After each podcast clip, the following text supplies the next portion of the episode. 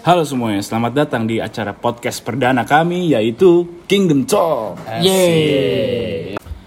Kita dari manajemen UGM 2018. Uh, gue di sini sebagai hostnya Moses. Kemudian ada teman-teman gue nih. Ada gue Alvin. Ada aku Farnan Hakim. Aku Refli. Nah kita di sini mau ngomongin tentang Bluetooth. Oke, jadi kalian pada pakai Bluetooth nih buat apa aja sih? Kalau sehari-hari tuh lu pada pakai buat apa? Kalau gue dulu ya, gue tuh karena punya speaker di rumah dan uh, itu tuh bisa pakai Bluetooth. Gue tuh pakai buat dengerin musik setiap hari pakai speaker connect Bluetooth itu. Asik. Kalau Mas Fanan gimana? Kalau aku sendiri sih biasanya pakai buat main game ya, karena aku pakai mouse yang Bluetooth, jadi lebih enak karena nggak ada kabelnya. Kalau aku kadang di mobil buat ngonekin device HP ke radio mobil sih buat dengerin musik juga. Gokil. Ya sama gue juga sih kalau di mobil udah banyak yang pakai Bluetooth kan. Iya kan. Kebanyakan buat lagu ya. Kayak sekarang banyakkan device udah Bluetooth semua sih.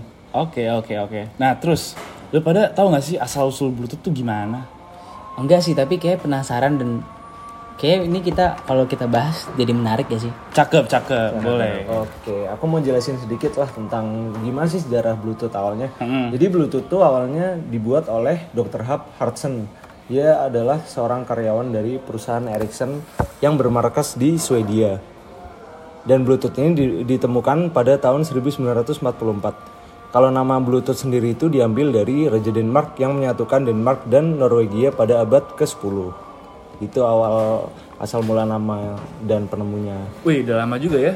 Ya lumayan. Oke terus eh, perkembangannya tuh kenapa bisa jadi nama Bluetooth terus kenapa bisa sampai kayak sekarang tuh gimana? Gigi biru gak sih?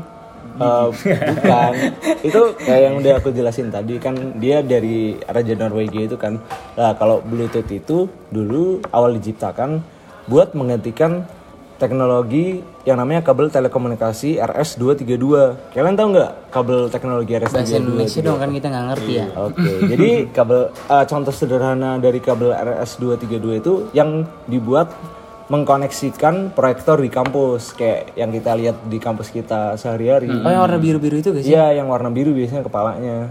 Oh oke. Terus pertama kali dia tuh diciptain buat apa sih Bluetooth? Eh, Bluetooth itu di- diciptain buat mengkonekkan eh, antar device tanpa kabel. Jadi dia bisa connect tapi nggak ada kabelnya. Jadi Bluetooth itu pakai gelombang radio UHF gitu. Anjir keren banget. Wih gila gila. Gue penasaran sih dulu yang bikin tuh siapa deh. Pertama kali orang yang dibalik Bluetooth ini tuh siapa? Oke banyak juga yang penasaran tentang yang buat Bluetooth ini. Jadi sebenarnya yang buat Bluetooth itu bukan perusahaan, tapi kumpulan perusahaan yang membuat semacam grup yang namanya Bluetooth Special Interest Group. Oke. Grup itu awalnya cuman ada lima perusahaan yaitu Ericsson, IBM, Intel, Nokia, sama Toshiba. Tapi sekarang ini karena banyaknya demand yang ingin menggunakan Bluetooth, SIG ini membernya sekarang ada 40.000 perusahaan anggota dari SIG ini. Banyak banget ya. Ya, karena banyak yang make juga. Oke, jadi kita udah bahas nih kan sejarah tentang Bluetooth ini apa. Tapi gue pengen tahu lagi nih, Bluetooth tuh teknologinya tuh kayak gimana sih? Gimana cara kerjanya? Gimana sistemnya? Nah, kira-kira ada yang tahu nggak nih? Nah cocok banget tes. Eh, gue eh, sempet searching-searching dengan data-data yang gue cari. Nah sebenarnya nih Bluetooth ini itu merupakan chip radio yang dimasukkan ke dalam komputer, printer, handphone dan perangkat-perangkat sebagainya.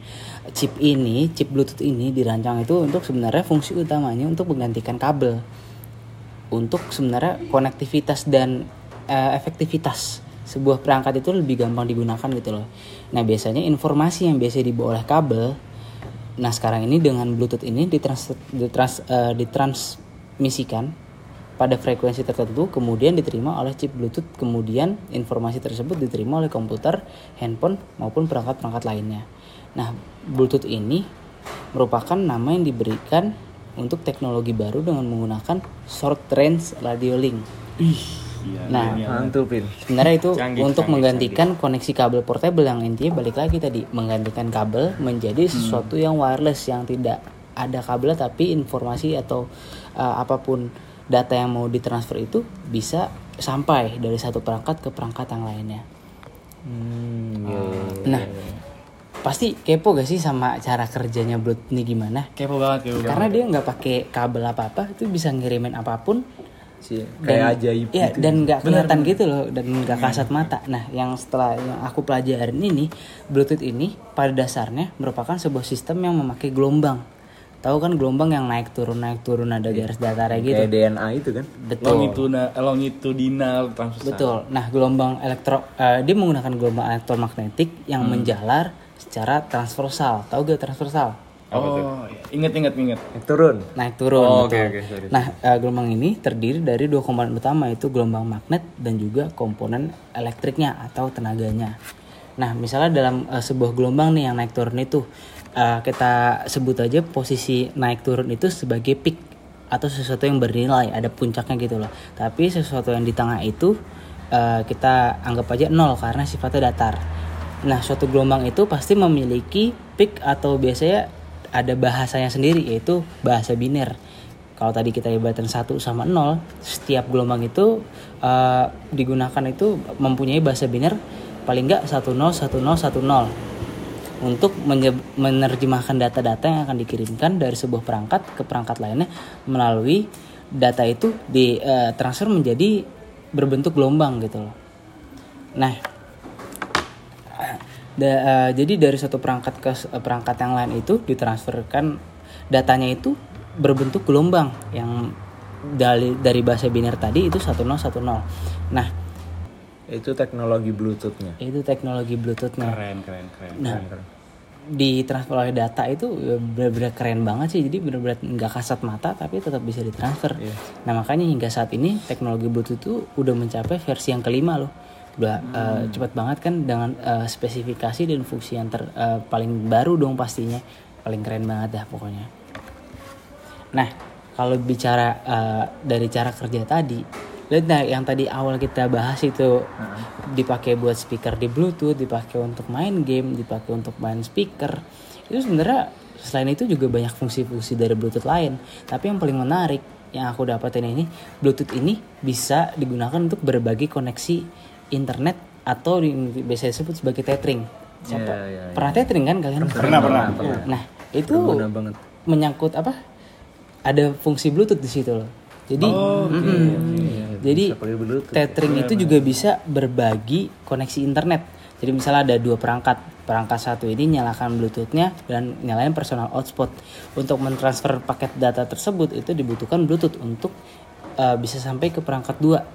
Jadi uh, saling tersambung dan ada personal hotspot. Jadi perangkat dua ini bisa main internet seenaknya dia dengan menguras paket data yang ada di perangkat satunya. oh bisa buat isengin orang juga berarti ya Nah, bener banget dan itu bener-bener langka banget itu salah satu kegunaan yang paling utama buat tethering. Tapi selain itu juga bisa digunakan untuk bertukar file eh, dari kamera digital handycam, bisa mendengarkan musik tanpa kabel. Tadi juga ada speaker headset, ada bisa dikoneksiin ke eh, mouse dan juga keyboard. Jadi udah nggak perlu pakai kabel lagi.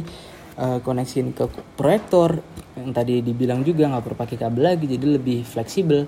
Bisa ngeprint file juga misalnya dari HP bisa langsung print yang connect ke eh, printer yang udah langsung ke connect ke Bluetooth bisa langsung cetak file print langsung kecetak padahal nggak ada kabel nggak perlu. Berarti bisa memudahkan Eh, nggak perlu dicolokin ya. di laptop ke komputer lagi yang ribet banget harus nyambung dulu kalau kabelnya kegeser jadi nggak ke print ini sekarang udah bisa mantap banget dan yang dan juga tadi udah masuk ke dunia dunia game eh, gamepad abis itu misalnya PS Xbox udah mulai pakai Bluetooth untuk eh, memudahkan bermain eh, game itu tadi kontrolernya pakai bluetooth sekarang itu tadi makanya keren banget kan Keren keren keren. Kayaknya Mas Alvin juga sama keren ya sama Bluetooth ya. Soalnya kayaknya udah cocok banget nih kerja di Bluetooth. anjay ya Eh. gitulah Tapi kan lu tadi bilang ngomongin masalah gelombang ya.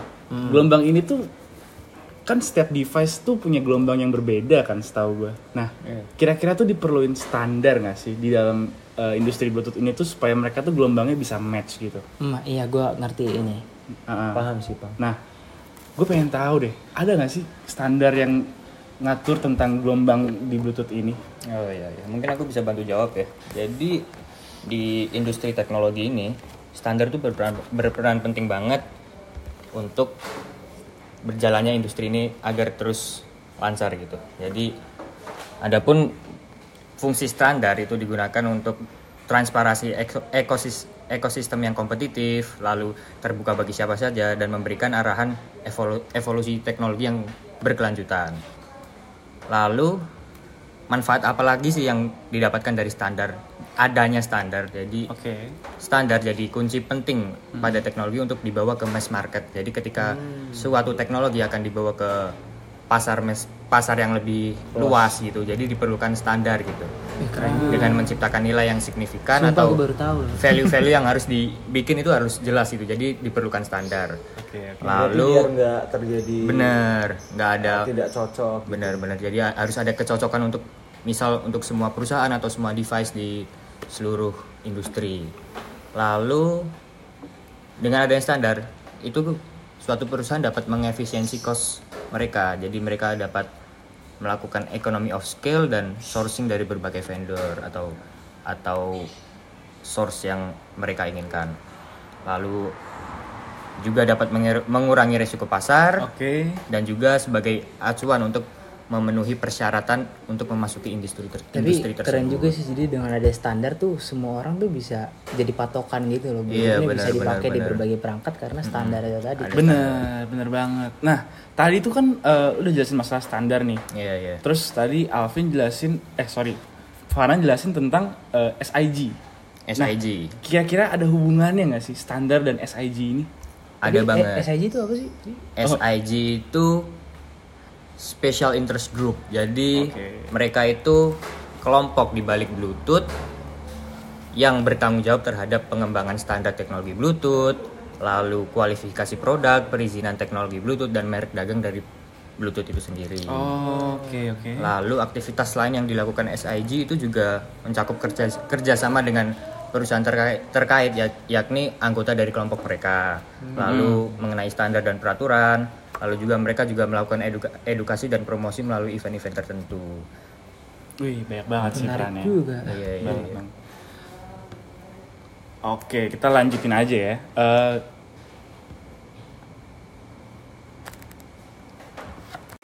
Wih, keren keren keren. Berarti SIG itu yang semacam menerapkan standar di Bluetooth gitu ya. Benar, benar. Nah, tapi ini ada hubungannya nggak sih standar dengan dominasi Bluetooth di masa sekarang nih?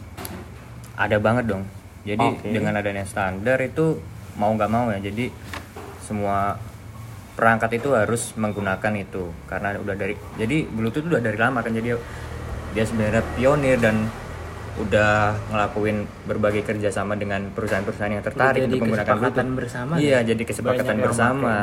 Jadi hingga akhirnya jadi patokan mau nggak mau device untuk memakai Bluetooth, misal speaker, laptop, smartphone dan sebagainya itu Jadi bergantung pada YouTube, Bluetooth semua gak sih? Bener, bener, bener. Hingga akhirnya Bluetooth itu mendominasi dan setiap orang tuh merasa sangat butuh itu Bluetooth di setiap aktivitas device yang mereka miliki. Ini menarik juga sih. Menarik banget, menarik banget.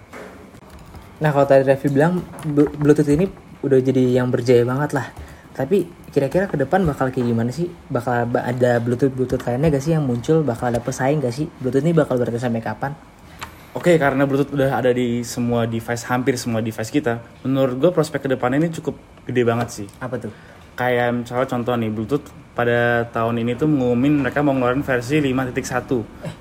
versi 5.1 ini tuh mempunyai fitur pencarian arah di mana fitur ini tuh memungkinkan suatu perangkat untuk memahami posisi atau lokasi dari perangkat lain secara tepat hingga ke akurasi sentimeter. Eh gila, kok udah kayak Google Maps Iya. gitu ya? Nah, contohnya tuh kayak lu misalnya pengen nyari kunci motor nih pagi-pagi, terus lu lupa taruh di mana. Nah, dengan lu aktifin fitur itu, lu bisa tahu nih kunci lu tuh di mana di ruangan itu. Jadi lu nggak perlu nyari lagi, lu udah tahu itu di mana. Fix gue pakai tuh Bluetooth 5.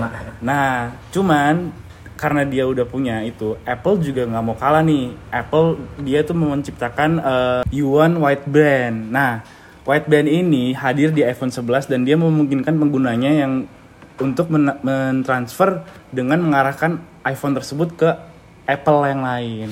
Ke Ih, device. Gokil.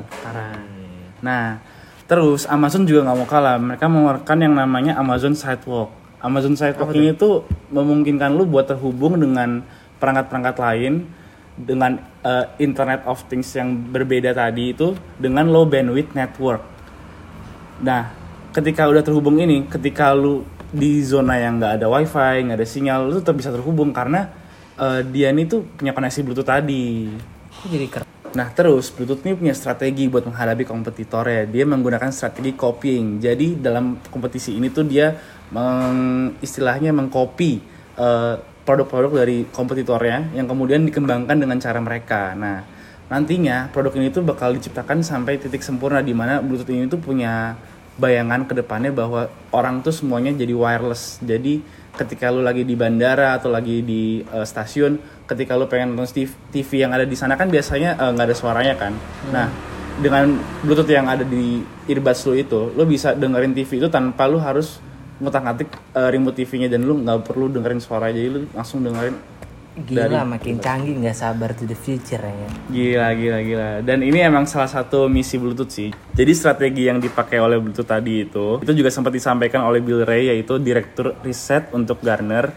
Dia bilang, by listening to what the competition does well, they've made Bluetooth better than the competition. And that's been the evolution of standard and it's been very successful. Jadi itu moto mereka sehingga mereka bisa sukses sampai sekarang. Nah, jadi kita udah ngomongin panjang lebar nih tentang Bluetooth. Semoga apa yang kita obrolin tadi bisa bermanfaat ya buat kita semua. Kalau ada yang ingin ditanyain lagi, bisa langsung reach us up ya. Oke, see you in next episode. See you. See you.